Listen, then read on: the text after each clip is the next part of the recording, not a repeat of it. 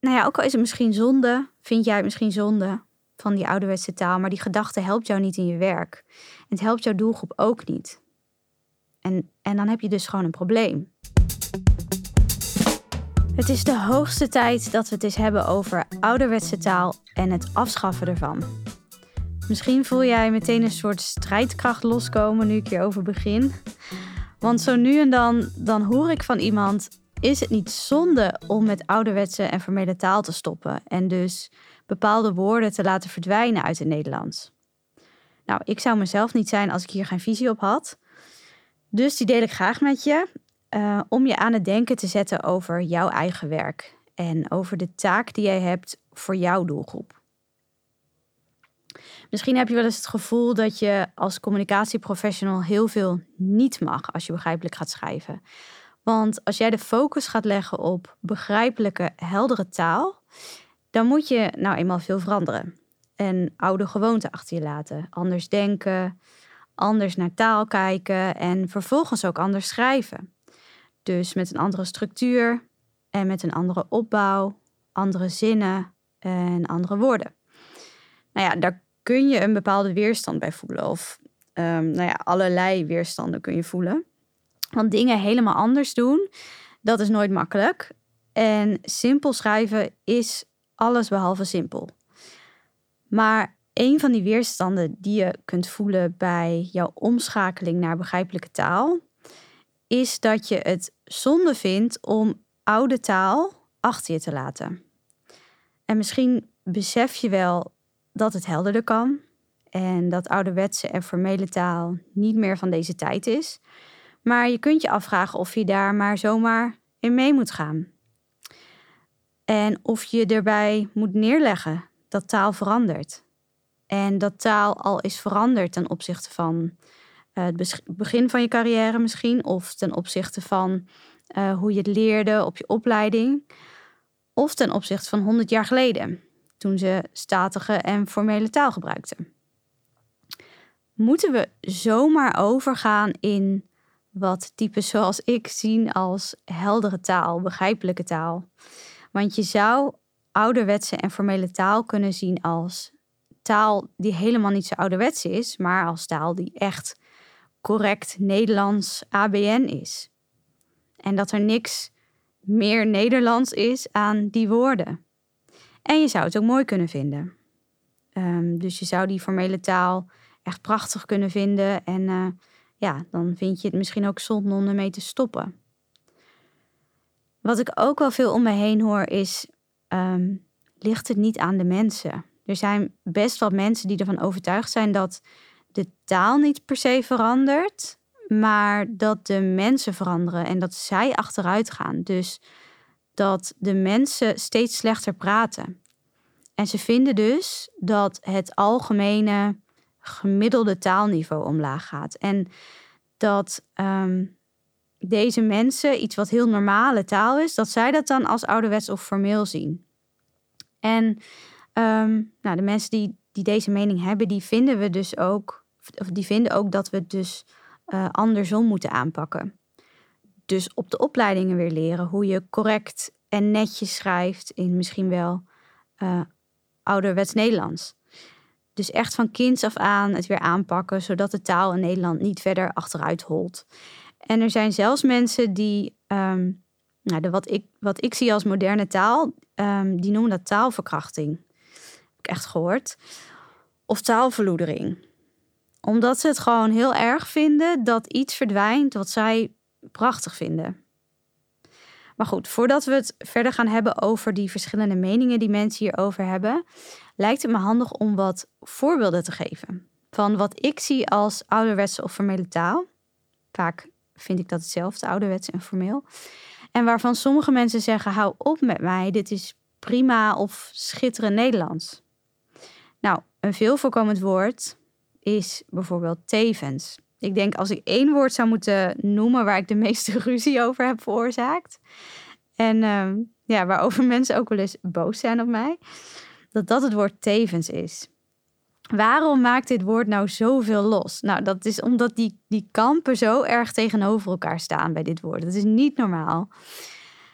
Um, en, en nog een paar woorden, um, ouderwetse woorden en woordcombinaties, die ik ouderwets en formeel vind. Ehm, hier nog een, uh, wat voorbeelden. Vooraleer, allicht, jongstleden, reeds, woonachtig, overeenkomstig, jegens, alvorens, al naar gelang, krachtens had ik volgens mij ook niet genoemd nog. Nou, dat soort woorden. En dan kunnen we het ook nog hebben over zinsopbouw bijvoorbeeld. Want ouderwetse taal gaat niet alleen over woorden. Je kunt ook uitzoomen en meer naar zinnen kijken en een tekst in zijn geheel. Maar daarover zal ik nu niet uitweiden. Dus laten we het even houden bij die losse woorden um, en die voorzetselcombinaties. En voor ik je laat weten wat mijn visie hierop is, nog even die um, verschillende kampen die je hebt. Wat vinden mensen van die woorden die ik net noemde? Nou, voor mijn gevoel zijn er dus drie kampen, gek woord eigenlijk kampen, drie meningen die je hierover kunt hebben. Je hebt uh, de mensen die zeggen: Doe toch eens normaal, waar gaat het heen met ons land en met ons taalniveau? Dit zegt alles over um, het intelligentieniveau of het ontwikkelingsniveau van mensen en daar moeten we iets aan doen. Niet aan onze prachtige taal. En als je die woorden al niet snapt, nou, dan ben je echt niet slim. En dan ligt het probleem bij de mensen en de samenleving en wat daar allemaal misgaat. En je hebt dus de mensen die zeggen, die zitten er een beetje tussenin, die zeggen, nou ja, ik vind het wel zonde, ja, al die mooie oude woorden, als die verdwijnen, ik kan er eigenlijk wel van genieten. Maar oké, bij sommige doelgroepen uh, en bij mijn eigen doelgroep snap ik wel dat het handiger is om een taalgebruik aan te passen en het dus moderner te maken. Nou, die mensen die zitten er dus tussenin of die twijfelen, die, zijn, die gaan misschien net overstag, maar ze vinden het ondertussen wel zonde. En dan heb je nog de mensen die ouderwetse taal willen afschaffen. Nou, zo'n mens ben ik. En ondanks dat ik er best wel uh, stellig in ben, wil ik ook wat nuance laten horen. Want natuurlijk is het lekker om te roepen dat we bepaalde dingen moeten afschaffen. En dat vind ik ook. Maar er zitten heus wel wat voorwaarden en nuances aan. Het is voor mij niet zo zwart-wit als je misschien zou denken. Kijk, taal is veranderd um, ten opzichte van tientallen jaren geleden. Dus taal die we nu zien als ouderwets, dus bijvoorbeeld woorden als reeds, jegens en vooraleer, dat was 50 jaar geleden heel normaal. En met normaal bedoel ik in dit geval alledaags, helder, voor wat toen helder taalgebruik was. En zelfs als er bepaalde woorden waren die toen al uh, heel formeel waren, dan nog was het in die tijd, uh, hadden mensen meer aanzien voor bepaalde autoriteiten die die, die taal gebruikten. En um, daarmee bedoel ik dat mensen echt opkeken naar de huisarts, de, de burgemeester, de rechter, de politie. Dat waren mensen met gezag. En daar hoorde bepaalde statige, formele taal bij. En nou, dat was allemaal prima. Maar goed, de samenleving is veranderd. En taal ook. Um, en daarover kun je trouwens meer horen in mijn podcast met André Verburg over heldere juridische taal. Die vind je wel in mijn podcast Overzicht. Maar taal is dus veranderd en daar kun je eigenlijk niet over discussiëren. Maar je kunt er natuurlijk wel wat van vinden. En ik vind het als jij schrijft voor een breed publiek, een grote groep mensen, allerlei soorten mensen, dat jij mee moet veranderen uh, in je teksten. En daarnaast vind ik dat ouderwetse taal niet helemaal hoeft te verdwijnen, um, maar ja, daar, daarover zometeen meer, op welke plekken het dan wel kan blijven. Maar weet je, het maakt eigenlijk niet eens zoveel uit of je het zonde vindt of niet. Want de situatie is op dit moment dat jij schrijft voor een bepaalde, uh, bepaalde brede doelgroep, die op dit moment een bepaald taalniveau heeft. En misschien kunnen uh, een heleboel schrijvers en communicatieprofessionals samen een beweging in gang brengen, als ze dat zouden willen. Um, dus de, de, taal echt veranderen met z'n allen. Mocht je een socioloog, socioloog kennen die je hier iets van kan vinden, laat me vooral weten. Misschien is het best wel mogelijk om het andersom aan te pakken. Dus om mensen weer een bepaald taalniveau, bepaalde taal bij te brengen. Dat weet ik niet. Maar ik weet ook niet of dat jouw taak is als schrijver. Om mensen een andere taal te leren dan die zij nu gewend zijn. Dus om ze weer ouderwetse taal aan te leren, terwijl dat nu niet de taal is van het brede publiek. In plaats van, van dat, dat jij als schrijver aanpast aan hun taal van dit moment. En het is ook zo'n groot onderwerp, dit. Ik weet niet eens waar je moet beginnen. Kijk, ik zeg niet dat je, dat je dus grootste vraagstukken over de samenleving uit de weg moet gaan, maar jij hoeft je daar niet mee bezig te houden als jij teksten schrijft en dat gewoon op een goede manier wil doen. Dit is echt zo'n sociologisch groot vraagstuk hoe we het taalniveau of de woordenschat van een hele samenleving weer hetzelfde kunnen krijgen als tientallen jaren geleden. Dat is niet te overzien en dat hoef je dus ook niet te doen. En ja, dan weet je, dan zou je het echt groots moeten aanpakken bij het onderwijs al. En ja, ik weet niet of je daar echt grootse invloed op kunt hebben, snap je? Jij werkt waarschijnlijk bij een organisatie met een breed publiek en je schrijft ehm, teksten die gewoon duidelijk moeten zijn.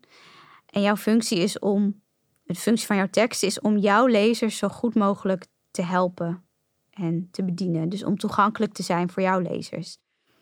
En dan kun je wel in een ouderwetse taal blijven schrijven, omdat je het zonde vindt dat jouw lezers die taal niet meer spreken of te horen krijgen. Maar dan sla je vandaag en morgen de plank mis. Want dan verlies je vandaag en morgen klanten. Of je verliest um, begrip van je klanten of je huurders, je cliënten, je inwoners. En ehm, ja, dan, dan verlies je dus ook op de wat langere termijn. Dan gaat dat ook gebeuren.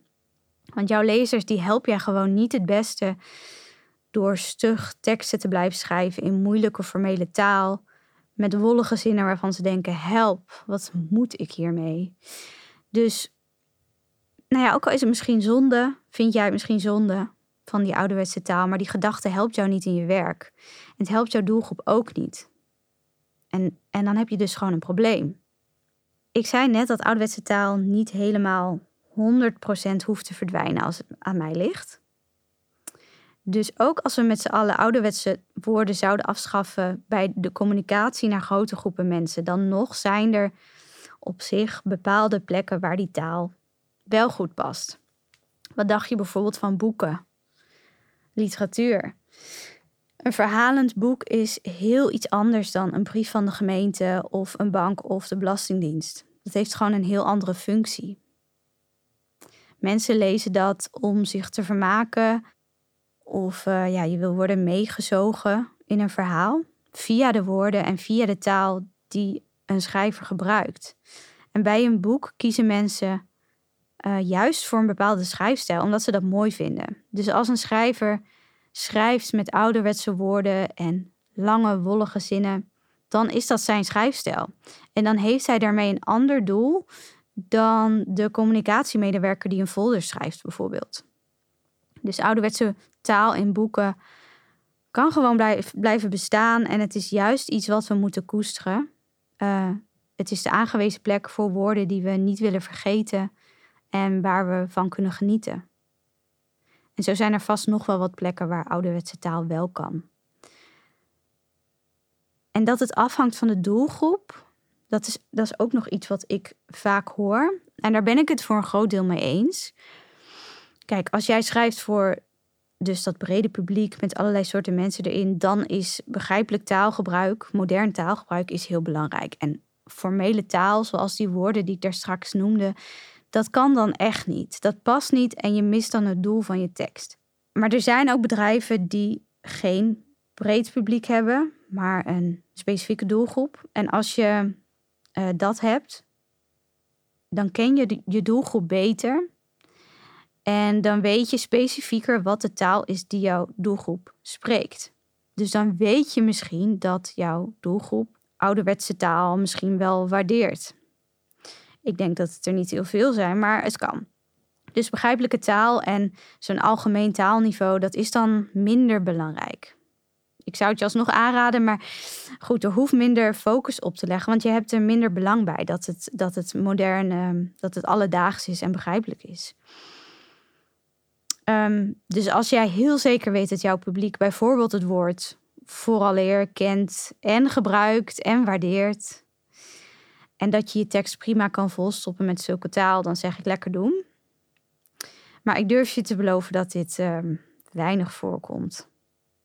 Als het dus gaat over als je van die informatieve teksten schrijft. En als je een doelgroep hebt met een hoog taalniveau, uh, dan, dan is de kans inderdaad groot dat zij ehm, die bepaalde, bepaalde ouderwetse en formele woorden wel kennen en begrijpen. Maar toch leven ook deze mensen in deze tijd. En uh, ook heel slimme mensen met een grote woordenschat zijn gewoon mensen.